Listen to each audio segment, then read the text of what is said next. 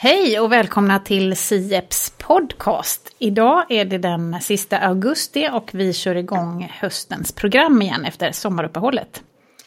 Jag heter Karin Flordal och har varit programledare för podden under våren.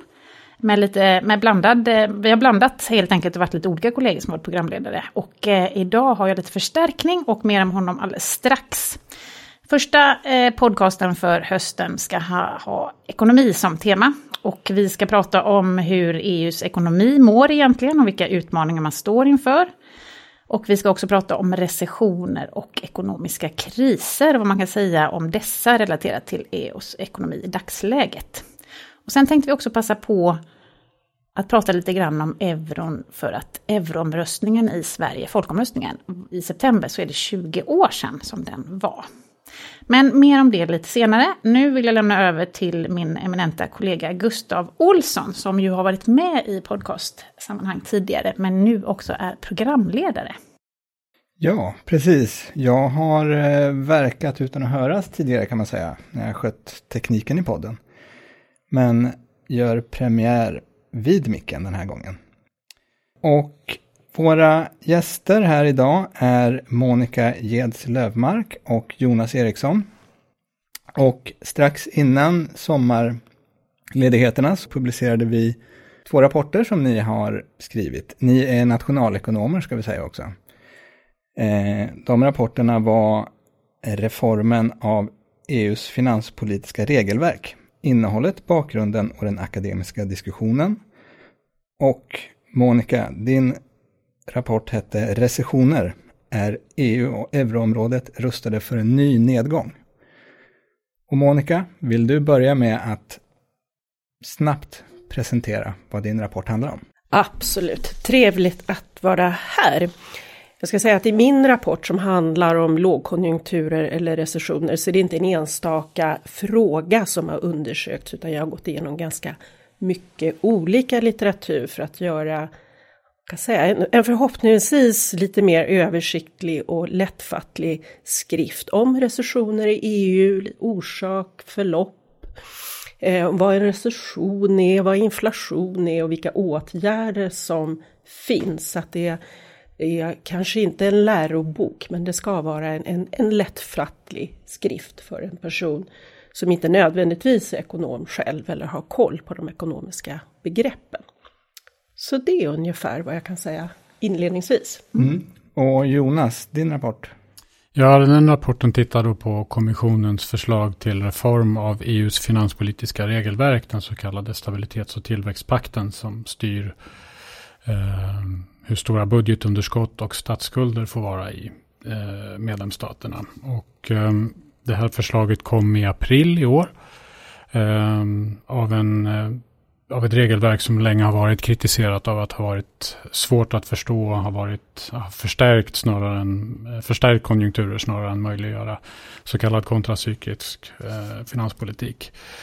Um, grunden för själva analysen är den, den mer policyorienterade nationalekonomiska diskussionen som har förts de senaste åren. Och uh, kan väl en kort sammanfattning är där att förslaget som kommer från kommissionen är i hög grad i linje med, med den diskussionen som har förts.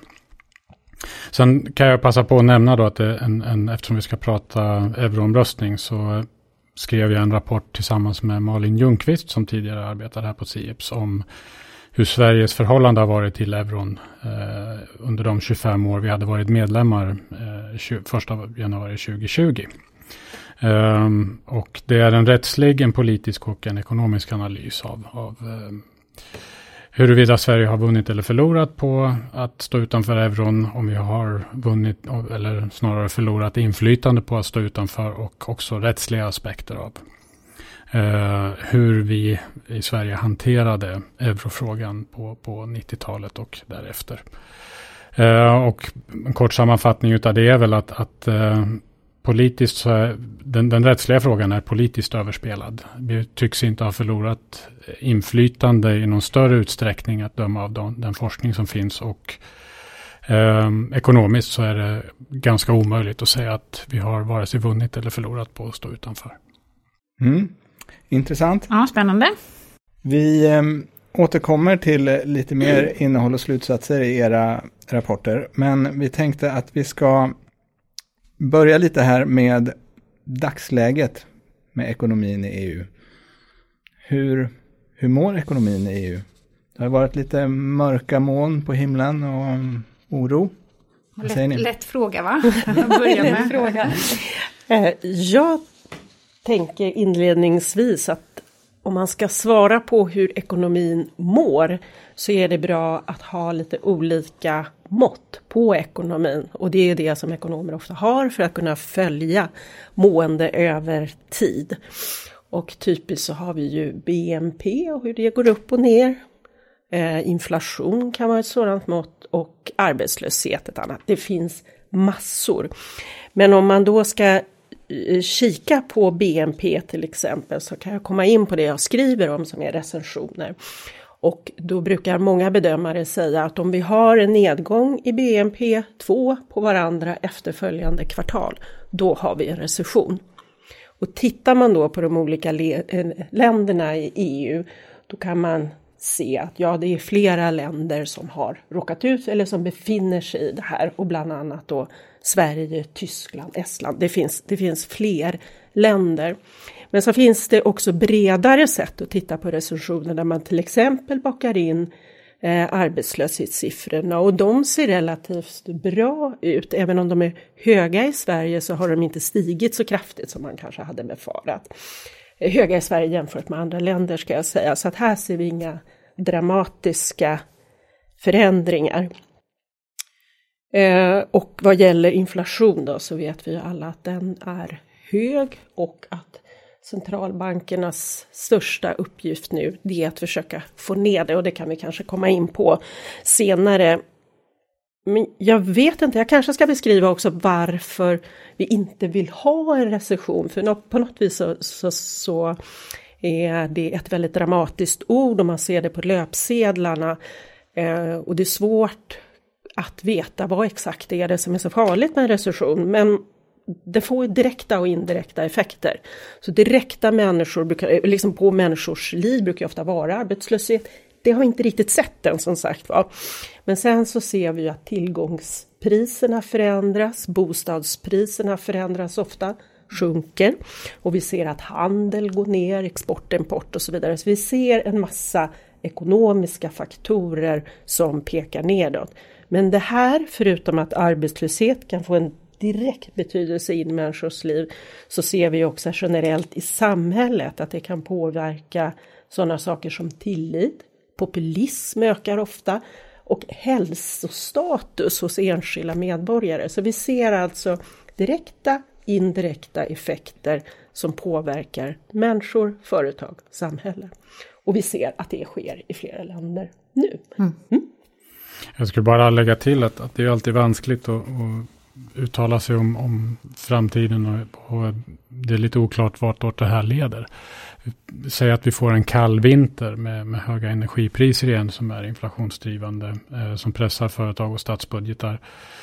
Vi vet inte. Så det, det, är eh, väldigt...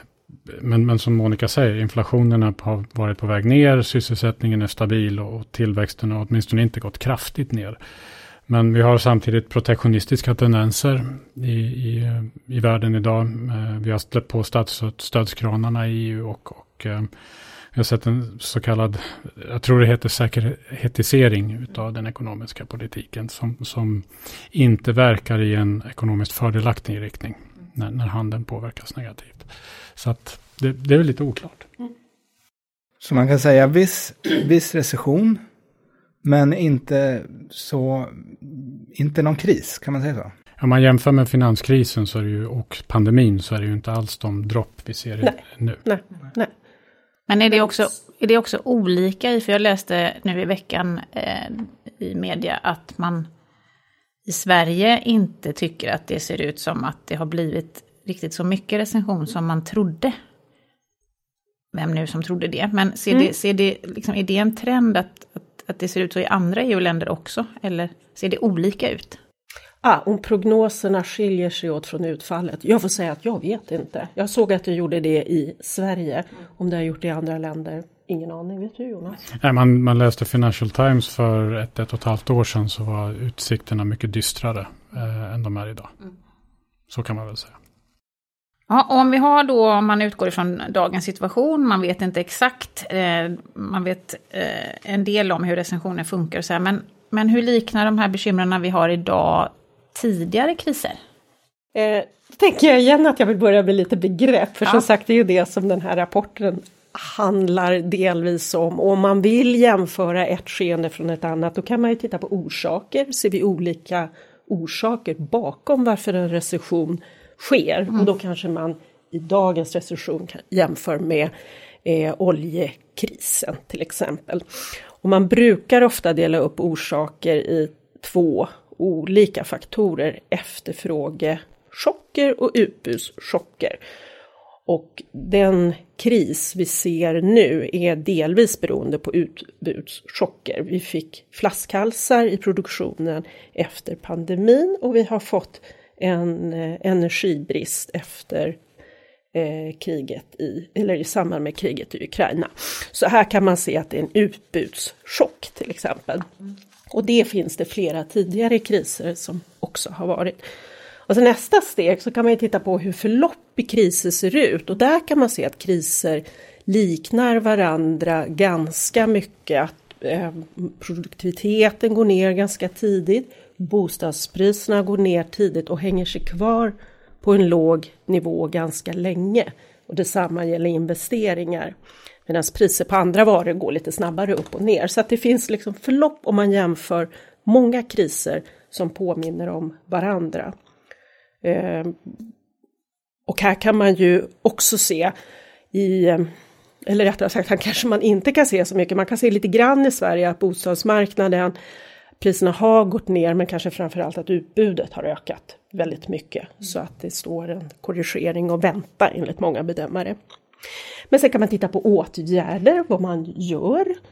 Eh, och då finns det ju typiskt penningpolitik och finanspolitik att tillgå och också att man kan ändra på olika typer av regelverk. Och här kan man ju se att tidigare kriser där vi har haft utbudsstörningar eh, som beror på en oljekris, där har man använt till viss del penningpolitiken för att ta ner inflationen.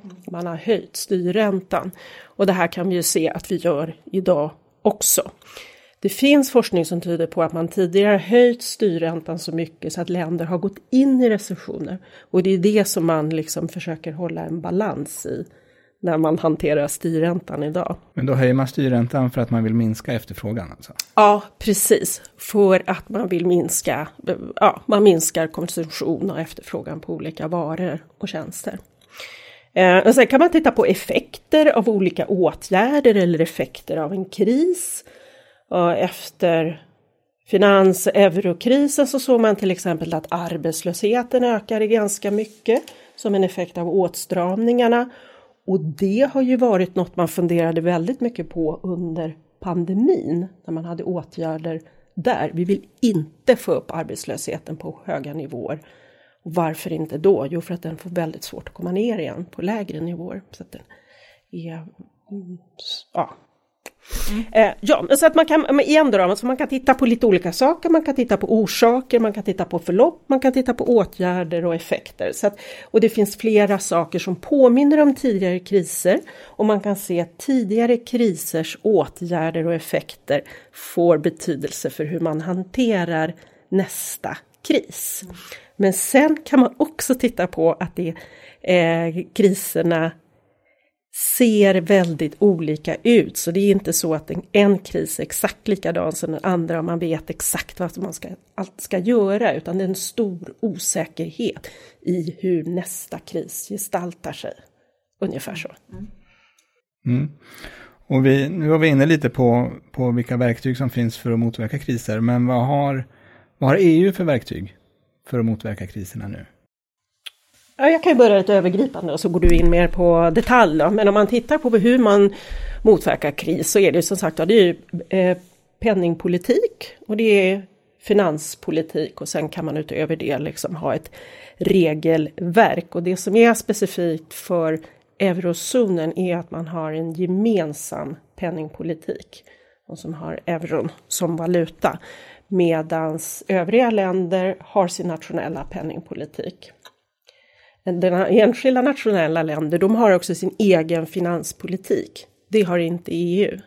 Så att det är ju en stor skillnad i hur man kan åtgärda. För man vill att finanspolitiken och penningpolitiken ska samverka och gå åt samma håll. Det kan vara svårare om man själv inte kan hantera sin penningpolitik som ett euroland inte eh, kan. Men det är ju de liksom i stora drag åtgärderna. Och penningpolitiken så det är liksom vanliga verktyget där, det är ju styrräntan, att man höjer och sänker styrräntan och på så vis eh, reglerar inflationen. För de allra flesta centralbanker har som absolut viktigaste mål att hålla inflationen på, ett bestäm, på en bestämd siffra, ofta 2 procent. Liksom.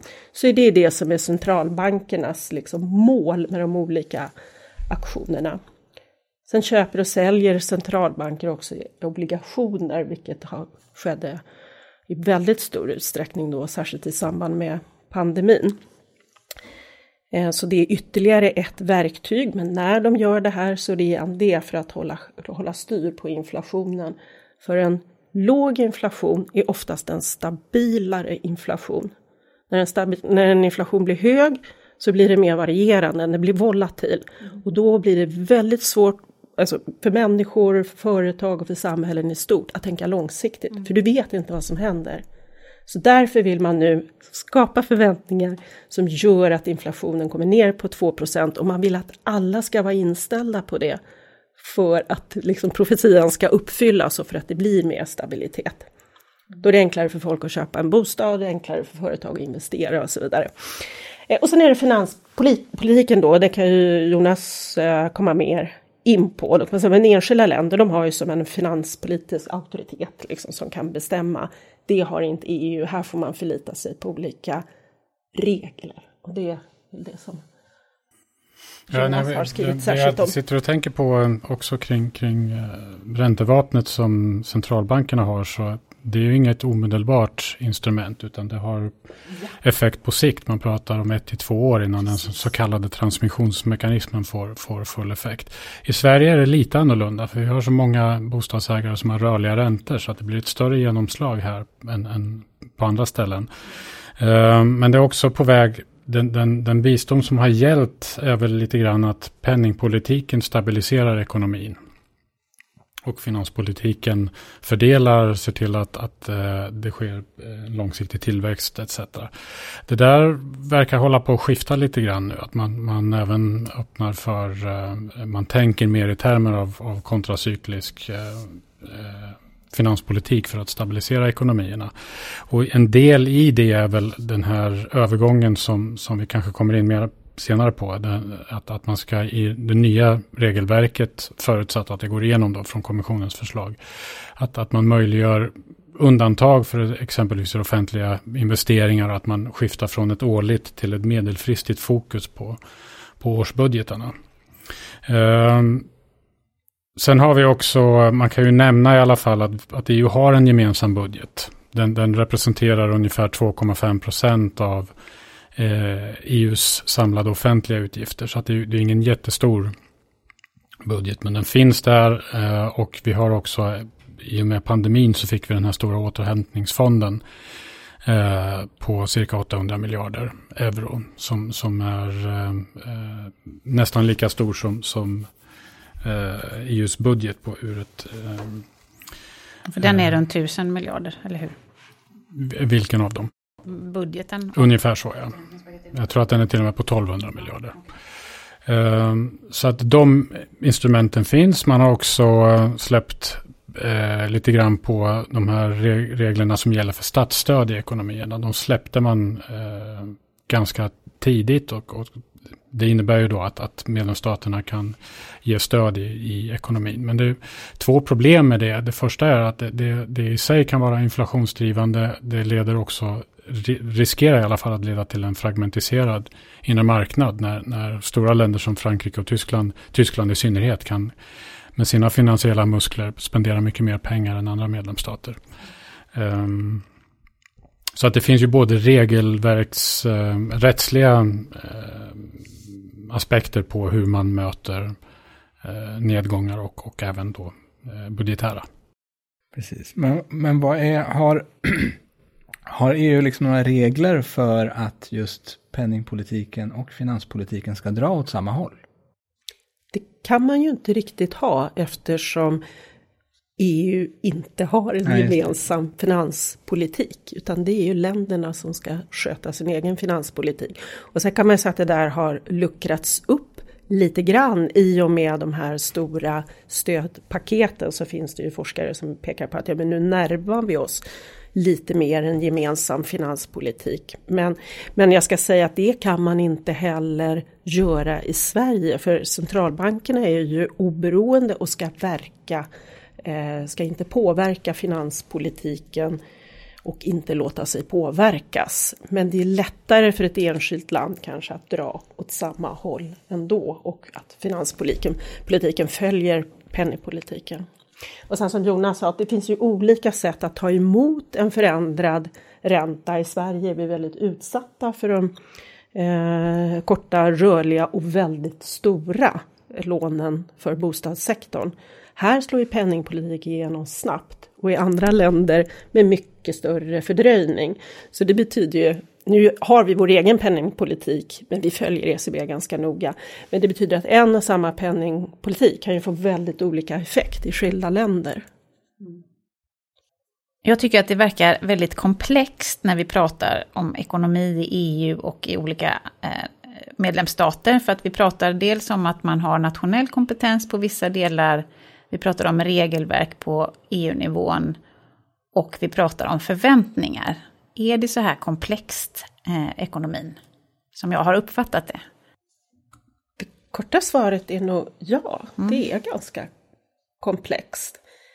Något jag har tänkt på när jag tittar på hur EU och ECB hanterar ekonomiska frågor så ska jag ändå säga att det verkar vara otroligt mycket duktigt folk där.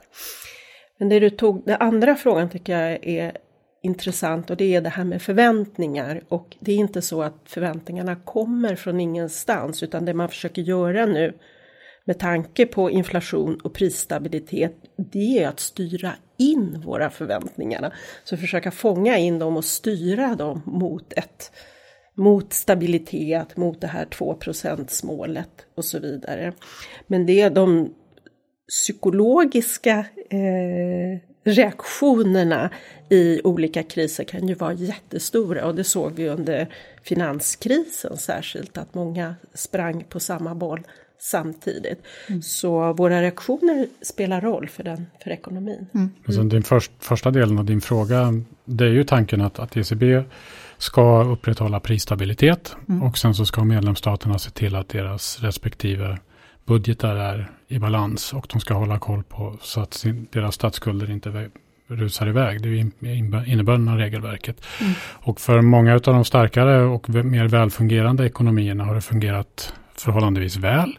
Medan andra länder har, har haft problem och utsatts för, för ett tryck när de inte har samma eh, produktivitet och lika välfungerande ekonomier. Mm. Om man ser på framtiden då? Hur eh, väl rustat är EU för framtida kriser skulle ni säga?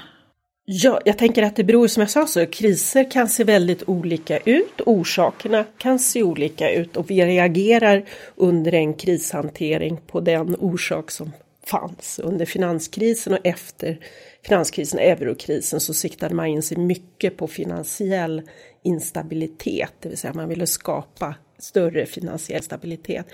Så det tror jag att vi är mer, min bedömning är att vi är mer rustade för finansiell instabilitet. Det finns fler buffertar och regelverk.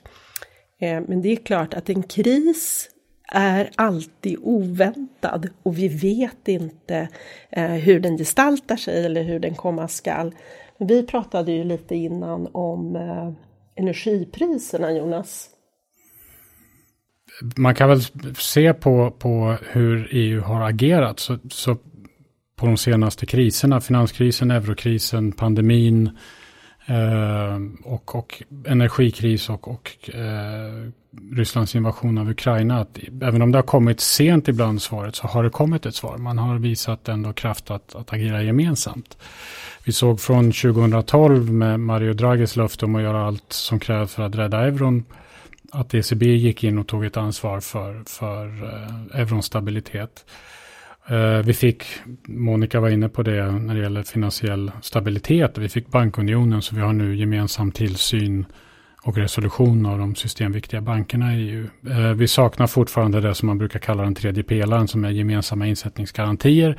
Det är någonting man förhandlar, en kontroversiell fråga och, och det är väldigt oklart för mig om och när i sånt fall en, en, en, det steget kommer att vara på plats.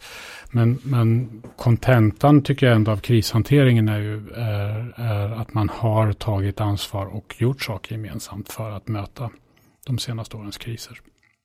Man kan ju också lägga till här bara att EUs en av EUs styrkor är ju alla arenor för tidig information, för kommunikation och för samarbete som ju inte nödvändigtvis finns mellan skilda länder. Men här har man ju verkligen upparbetade strategier och institutioner för att kommunicera och samarbeta. Och även om vi oftast hör om när det misslyckas så ska man säga att det är ändå en styrka att allt det där finns på plats. Mm. Mm. Um, vi har varit inne lite på det redan nu, men EUs liksom grundläggande utmaningar i den ekonomiska politiken, är det EU som konstruktion så att säga, skapar det inneboende utmaningar? Skulle ni säga? Ja, eurokrisen var ju eh, ett enastående uttryck för vad som händer när, när ekonomierna divergerar och, och det blir problem med, med betalningar på statsskulden som i Greklands fall. Även eh, Cypern, Spanien, Portugal och Irland hade ju problem. Och även i, Italien har, haft en, har och har haft en väldigt hög statsskuld. Även om deras statsskuld kanske inte är lika riskfylld som den grekiska. Den grekiska statsskulden är, är mer utlandsägd än, än, den italienska till exempel. Um, men sen finns ju den här nu, det, det som är tanken med eh, kommissionens reform av stabilitets och tillväxtpakten är, är att man får en mer medelfristigt fokus och ett, och ett större fokus på statsskuldernas risker. Och, och, det finns även i förslaget idéer om att möjliggöra i högre utsträckning än idag undantag för offentliga investeringar, exempelvis till den gröna omställningen. Men det är en kontroversiell fråga och förhandl förslaget förhandlas. Att var det här landar slutligen, det, det, det, får vi helt enkelt se. Just nu har vi ett undantag från, från det här regelverket som, som infördes i och med pandemin, men, men tanken är att från och med januari nästa år så ska de här reglerna eh, implementeras igen. Eh, därför vill man ha klart den här reformen innan, innan dess. Men att fokus skifta till mer medelfristiga mål, vad skiftar det från då? Så att säga? Ett, ett, mer, ett större skifte på, på årsbudgeten. Så man får lite mer tid på sig att Ja, det är väl tanken, ja. ja. Just det. Men, men samtidigt ska man ju säga när, när de, eh, det, har gjorts beräkningar senast här i, i, juni på, på eh, vad kommissionens förslag skulle innebära. Så som det är skrivet så kom den här forskaren fram till att eh, skuldminskningskraven är faktiskt ännu mer strikta om det här förslaget skulle bli verklighet så som det är skrivet. Eh, och den, den skuldminskningstakt man talar om idag är när man ligger över 60 procent av BNP i statsskuld. Att man ska minska takten med, det ska vara en skuldminskningstakt på en tjugondel av BNP. Eh, eller att skulden ska minska en, en tjugondel varje år. Så att det, det, eh, det är fortfarande ganska strikta krav eh, på, på skuldminskning. Ja, men och när vi är inne på den här reformen då, vad, eh, vilka problem är det man vill lösa med det? Vi var inne på att man får lite mer tid på sig att komma, hamna rätt i sin ekonomi, men vad utöver det finns det fler? Man kan säga dels så, så vill man ju förstärka det, det, nationella ägandet av budgetprocesserna. Man, man vill eh, ge oberoende finanspolitiska råd en roll i att vara sanningsägare och, och ge tillförlitliga prognoser. Eh, dels de här undantagen för offentliga investeringar för att möjliggöra grön omställning. Eh, och eh, som jag sa då, en, en, större fokus på statsskulderna och deras risker. Det, och sen så att man, man försöker förenkla regelverket så att det ska bli lättare att förstå. För det har varit ett, ett väldigt komplext regelverk med många tillägg och tolkningar och liknande. Eh, som har, efter två stora reformer 2005 och 2011 eh, i synnerhet. Så att en, en förenkling också. Och i din rapport så, så beskriver du det här förslaget mot bakgrund av en diskussion som har förts bland akademiker. Eh, får de här akademikerna det de har efterlyst nu? I stort sett. Det finns aspekter av det som kritiseras. Som att man ska ha ett fyraårigt perspektiv till exempel. Att det, det, det kanske skulle vara längre. Och, och lite sådana detaljer som, som man inte är riktigt överens med. Men, men de stora dragen skulle jag säga man är överens. Sen finns det ju också en diskussion om, om det är tillräckligt att ha eh, den här uppdelningen med, med en EU eh, eller en euro penningpolitik och en nationell finanspolitik om det inte också skulle krävas mer gemensamma lösningar. Det skulle kunna vara stabil gemensam stabiliseringspolitik, eh, eh, gemensam skuldsättning och liknande. Men, men det är kanske mer framtidsfrågor. Det, vi är knappast där idag.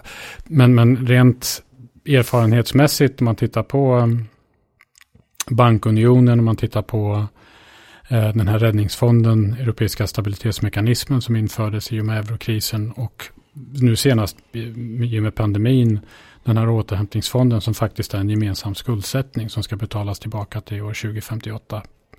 Så, så, och innan dess så fanns även inom ramen för budget, man diskuterade eh, en, ett budgetinstrument eh, som skulle ha någon slags stabilisering. Det fanns någon sta det kallades ibland en stabiliseringsfond, vilket det inte var. Den var ganska liten. Men det var ändå de här stabiliseringspolitiska instrumenten diskuteras. Och de diskuteras i all, all eh, större utsträckning skulle jag säga. Så att det, det, det, finns ju tendenser att gå åt det hållet. Mm. Jag kan väl lägga till där att, att de, det här att man, man i förenklingen ingår att om det är en förenkling kan ju diskuteras, men att man, man eh, kanske snarare blir mer komplext. Att, att man utgår ifrån en skuldhållbar, kommissionen kommer att göra en skuldhållbarhetsanalys eh, och ta fram en skuldutvecklingsbana för, för de medlemsstater som har för höga statsskulder. Det här har slagit bakut i medlemsstatskretsen, i synnerhet Tyskland och även Danmark har, vill ha kvar de numeriska reglerna. Det vill säga att man, man, det finns en siffra som man ger för hur mycket man ska minska skulden. Så att det, det, det är också oklart vad, vad det här förslaget eh, kommer att resultera i slutändan. Just det, förhandling pågår kan man säga. Ja. Hur ser tidsplanen ut? Ja, som, som jag sa, de, de, man vill ha det nya regelverket. Det bästa hade ju varit att ha det nya regelverket på plats 1 januari 2024. Mm. När man ska börja implementera pakten igen. Ja, och jag hade en eh, sista fråga egentligen till Monica också. Och det var ju att du har ju en fråga i din rubrik som handlar om är vi rustade för en ny kris? Men jag tror att vi redan har svarat på den. Att, att det är, man kan nog säga att vi är det. Fast det beror också lite på vad det är för typ av kris, för alla kriser är olika. Ja, och kanske lite mindre optimistiskt också vi är bättre rustade på vissa områden. Ungefär så, som jag sa det här med, det har liksom minskat lite riskerna för krisspridning mellan länderna. Vi har bättre informationssystem, fler buffertar, alltså större förutsättningar att hantera finansiell instabilitet. Men en kris är en stor osäkerhetsfaktor. Mm. Så vi vet ju inte vad som kommer. Vi vet till exempel att vi kommer att få stora utgifter framöver för att hantera klimatförändringar. Hur snabbt kommer det att gå? Hur mycket ska det kosta? Eh, hur ska det se ut? Så en åldrande befolkning. En åldrande också. befolkning. Så vi har ganska, så vi, vissa saker som vi vet kommer, men så kan det ju bli helt oväntade som det här Rysslands invasion i Ukraina och hur väl rustade är vi? Mm. vet inte, men som sagt, vi vet att det finns eh, de här strukturerna för kommunikation. Mm. Vi tenderar att rusta oss för kriser som vi har haft. Ja. Det kanske är tur att jag inte ägnar mig åt ekonomi, för jag skulle skapa lite för höga förväntningar om positivt utfall kanske. Ja, men och innan vi går vidare då, eh, ska vi, eh, tycker ni att eh, är det något mer från era rapporter som ni vill lyfta fram när ni har chansen? Kanske understryka lite det här, du har ju varit inne på det flera gånger Gustav, men det här med att vi har då inte en gemensam finanspolitik så att istället för att i, en, i ett land så eh, kan ju den liksom eh, den finanspolitiska auktoriteten, eller man ska säga, den kan ju ta upp skatter, den bestämmer över utgifter och investeringar och lån och just det här, det är då egenskaper som eurozonen inte kan göra fullt ut i alla fall, lite grann. Och en del tycker att man ska göra det mer, att man ska öka gemenskapen för att på så sätt eh, bland annat kunna hantera kriser bättre. Och de som är emot det här säger då att det skapar vad man brukar säga som moral hazard. Att man, om man vet att, om jag vet att jag får hjälp framöver så har jag ett mer riskfyllt beteende. Så det öppnar upp för att skapa större risker också. Det kan man säga är en sån här fundamental fråga som återkommer hela tiden i EU och framförallt eurozons, eh, euroområdets sammanhang då, att hur ska man riskfördela mellan länder och vilka incitament skapar det? Så det är ju en sån här fråga som vi kommer att fortsätta leva med. Men en annan utmaning är ju också att flera länder har väldigt höga statsskulder. En statsskuld kostar mycket när räntorna stiger, så den kostar ju mer och mer ju högre det blir att ha de här skulderna. Men det gör också att du får en väldigt väldigt svårt att hantera en kris som kommer. Alltså har du en buffert när en kris kommer så kan vi navigera igenom den. Den får mindre effekt, det visar forskningen. Men har du då, är du väldigt högt belånad, då har du inte så många möjligheter att hantera den kris som kommer. Vi har ju flera länder som är väldigt högt belånade, så det är också en stor utmaning för enskilda länder, men som också påverkar samarbetet. Mm. Sen det är ju som, som Monica är inne på, jag tror att man översätter moral hazard med överdrivet risktagande. Mm. Vi har eh, tre artiklar i EUs funktionsfördrag som, som, eh, gör, som, som finns där för att, att man inte ska undsätta medlemsstater i, i trångmål. Nu, nu kan man, det är lite si och så efter det, efter det att den här europeiska stabilitetsmekanismen kom till 2012 tror jag det var. Eh, men, men det är ändå tanken med det att, att eh, länderna ska vara ansvariga för att ingen kommer dem till undsättning om de låter andra medlemsstater, snarare än att andra medlemsstater ska, ska finansiera deras eh, midliftiga spenderande och, och eh, de risker de tar på sig i så fall. Just det. Mm. Och Jonas, har du något mer från din rapport som du tycker att vi borde få med här i poddformat? Nej, jag tycker inte det. Nej. Men vi måste tipsa om att man naturligtvis kan ladda ner era rapporter på Sieps hemsida, www.sieps.se. Precis, och där finns också, kanske vi ska säga, din, Monica, din analys om planeringsterminen finns där ja, också. För det är ju det vad du var inne på med det här kommunikationskanalerna, ja. transparensen. Mm, det stämmer så bra. Mm. Och nu när vi då ändå har två nationalekonomer på plats här i podden så tänkte vi också passa på att uppmärksamma att det är den 14 september är 20 år sedan vi hade en folkomröstning om euron.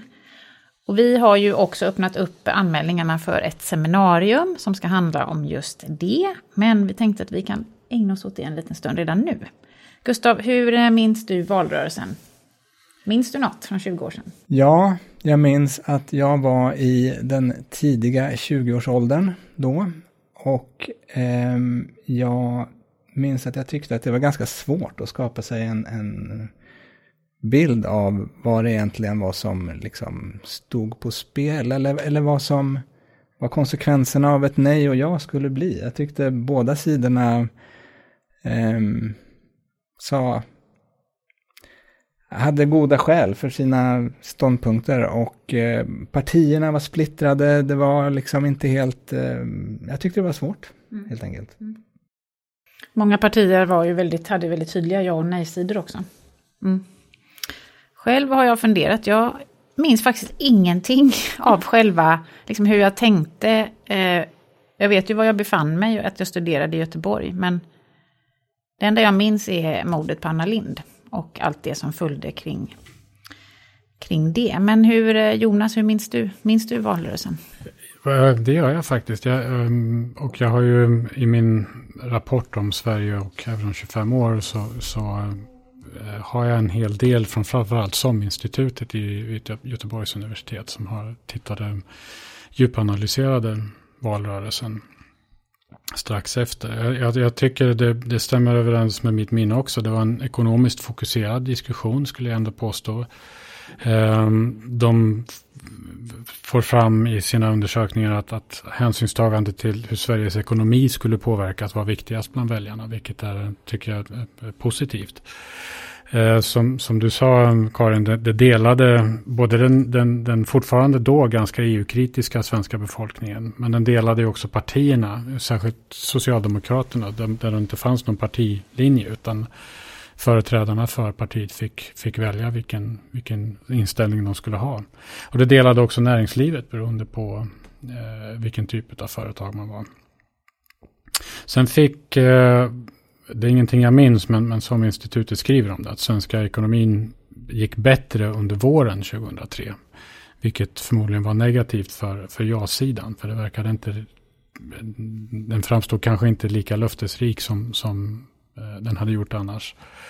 Och även mordet på Anna Lind minns väl, minns väl alla fyra, fem dagar före omröstningen som gjorde att förvalsdebatterna ställdes in. Så det blev en väldigt konstig eh, valrörelse på det viset. Men, men mätningarna visar väl att, att det tycks inte ha påverkat slutresultatet nämnvärt. Men de är ju kritiska till, till ja-sidans företrädare eh, generellt som de tyckte gjorde ett sämre jobb än, än nej-sidan. Mm, Monica, vad minns du? Ja, nej, men mina reflektioner och minnen eh, påminner om era. Jag, jag mindes också faktiskt i snabbt mordet på Anna Lind.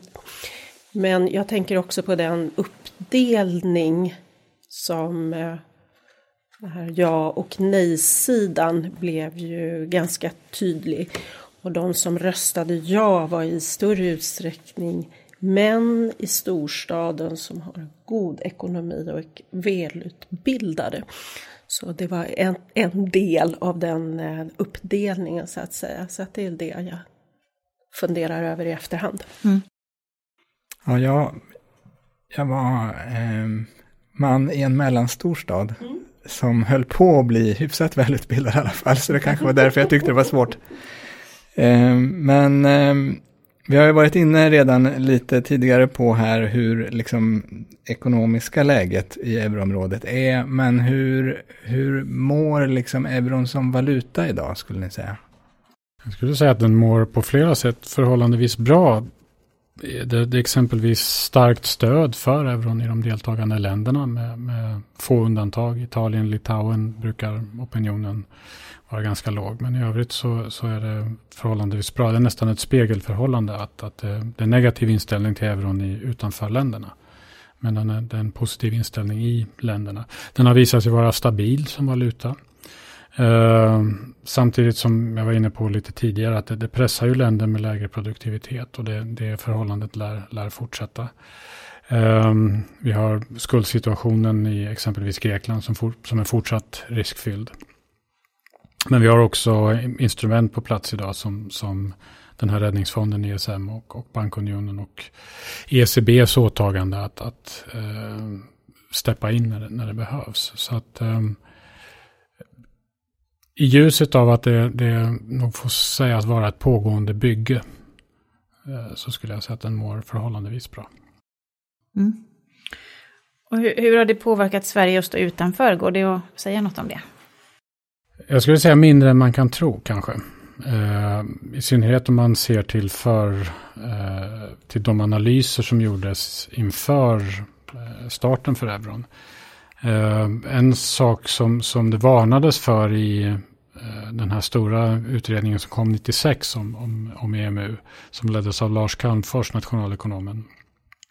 Eh, en, en av de saker som man varnade för och som talade för en, en anslutning, svensk anslutning var ju att vi skulle förlora inflytande. Och tittar man på de undersökningar som har gjorts eh, så verkar det inte ha fallit ut så.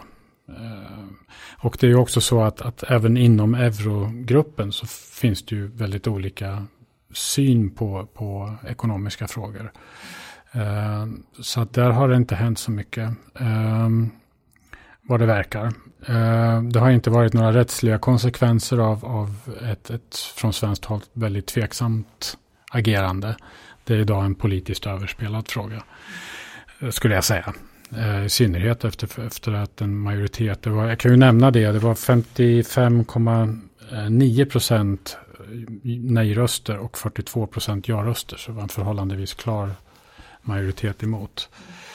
Och som jag nämnde tidigare också, det, det är väldigt svårt att, att göra en, en ekonomisk bedömning med någon precision över om Sverige har förlorat eller vunnit på, mm på att stå utanför. Det, det, det, stalltipset är väl att vi hade haft ungefär samma situation idag. ECBs ränta och, och Riksbankens räntor följer varandra. Eh, vi har haft en, en eh, vårt finanspolitiska ramverk som, som har lett till, till eh,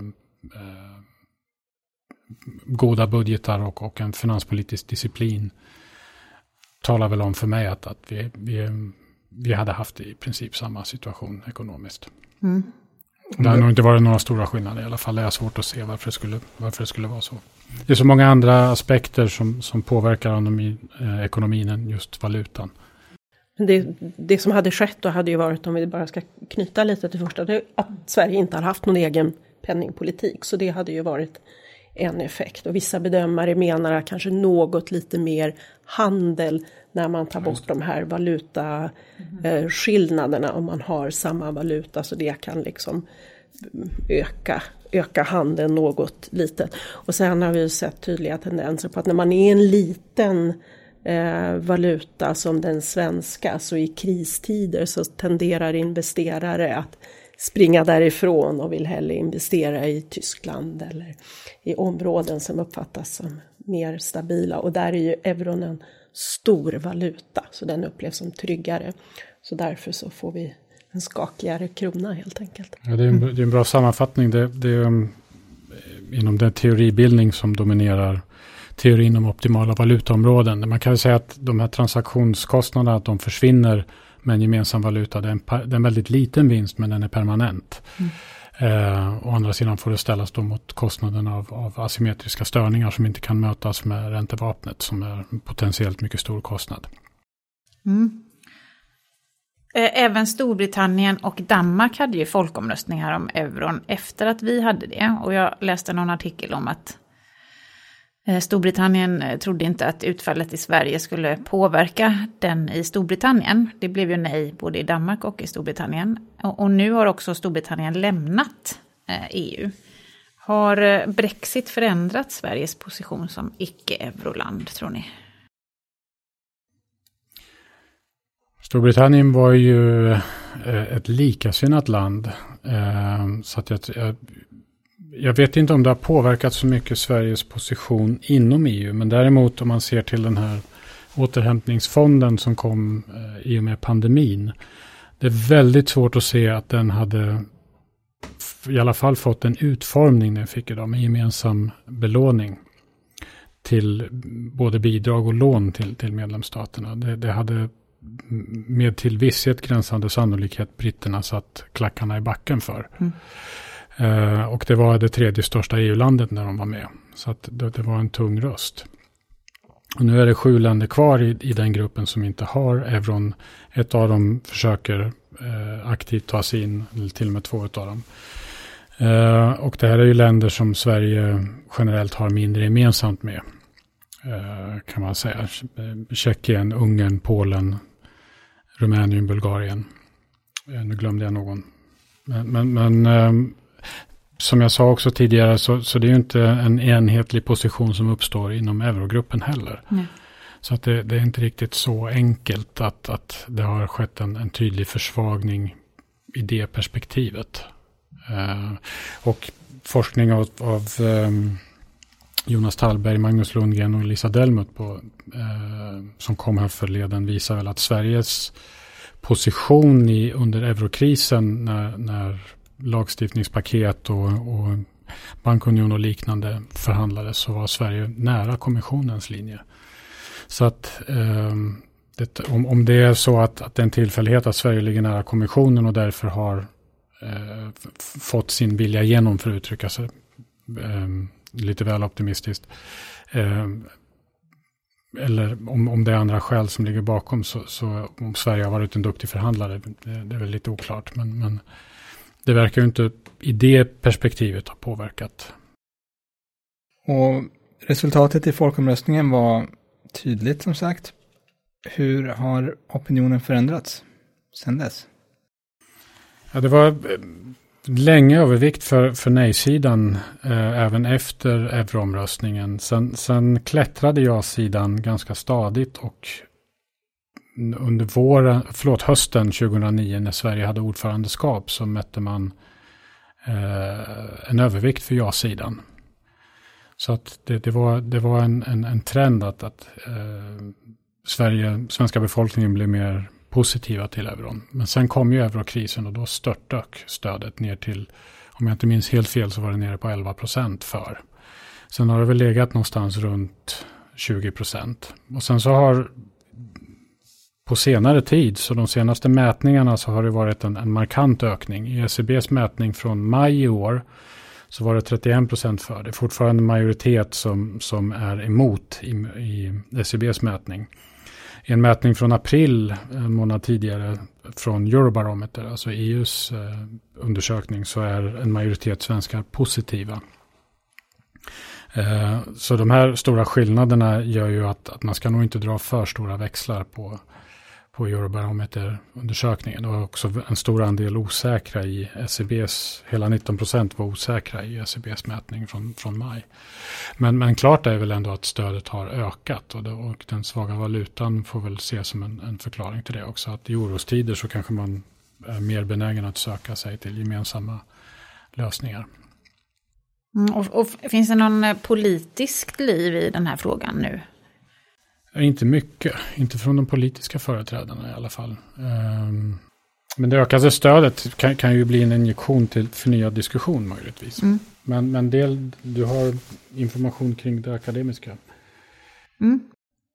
Jo, nej, jag, jag, tänkte egentligen börja med det politiska och se eh, att tidigare innan finans och eurokrisen så låg Liberalerna och Moderaterna ganska högt i sitt ja och alla störtdög. Men nu ligger partierna lite närmare varandra i andelen som säger ja i de olika partierna. Skillnaderna har minskat. Mm. Så då kanske det är svårare att profilera sig också om inte skillnaderna är så stora. Och det är väl egentligen bara Liberalerna som jag hör som eh, för fram då och då att de önskar ett euro. Eh, men jag tycker ändå att man ser från företagarsidan, vi har sett flera debatter i Dagens Industri och industriledare som framhåller och också eh, utredaren för den stora UMU-utredningen Lars Calmfors bekräftade i en podd häromdagen att han får väldigt många förfrågningar nu så att det verkar ju som att just nu är frågan ändå intressant men kanske inte från politiskt håll. Skulle man kunna gå med eurosamarbetet utan att ha en till folkomröstning. Ja, Johan Persson har ju föreslagit eh, att det skulle kunna vara en väg framåt. Jag har, eh, jag har svårt att se det. Eh, när man har folkomröstat för eller emot en gång så får man nog så är det nog eh, rimligt att tro att det blir så nästa gång också. Det är inte samma, det är inte samma panikläge som med, med NATO-medlemskapet skulle jag säga. Det, ja, men och hur um, det här stödet som har ökat, om det kan kopplas till, till uh, nuvarande ekonomiska läge, skulle det hjälpa nuvarande ekonomiska läget? Om man tänker på stigande priser, höga boräntor, de problem vi har, skulle det hjälpa att gå med i euron? Oj. ja, man kan säga räntorna som jag sa tidigare så är ju styrräntan densamma i ECB så att just räntorna och våra, eh, alltså vår, vår, våra höga hushållslån skulle ju inte påverkas av det faktum att alla hushåll, eller väldigt många, väljer att ha ett rörligt lån som gör oss känsliga. Det skulle ju finnas kvar. Jag tänker först och främst att ska man överväga ett euromedlemskap eller att vara med i, eh, i euron så ska man tänka långsiktigt. Att det ska liksom eh, du ska tänka på lång sikt att du inte får de här penningpolitiska musklerna men också att du tillhör en större valuta. Möjligen, det verkar ju oklart, att vi får en lite större plats vid beslutsbordet, att vi blir lite mer hörda men det vet vi inte heller. Eh, men som sagt, jag tror inte man ska tänka på kort sikt skulle det rädda den nuvarande situationen utan jag ska tänka, tänka lite mer liksom vad vill man ha rent politiskt och liksom för framtiden. Mitt svar. Tack. Eh, men, men och ett, ett, um, ett argument från nej-sidan var ju att man, man vet vad man har men man vet inte vad man får under då 2003. Eh, vet vi vad vi får nu? Det, alltså, ehm, det, det, är ju ett väldigt märkligt argument för även när man har någonting så vet man inte hur framtiden ser ut. Så, att, så att det, det, det, är ett fullständigt meningslöst argument. argument ja, det är det faktiskt. Okay. Hörni, eh, tack för, till Monica, tack till Jonas för att ni var med i höstens första podcast. Tack för att vi fick vara med. Och rapporterna och eh, publikationerna som vi har pratat om i dagens avsnitt finns naturligtvis, som vi har sagt tidigare, att ladda ner på Sieps hemsida, www.sieps.se. Jag tänker Gustav, ska vi säga någonting om seminariet den 14 september också? Ja, det kan vi göra. Eh, det är, anmälan är öppen och eh, vilka kommer dit Jonas?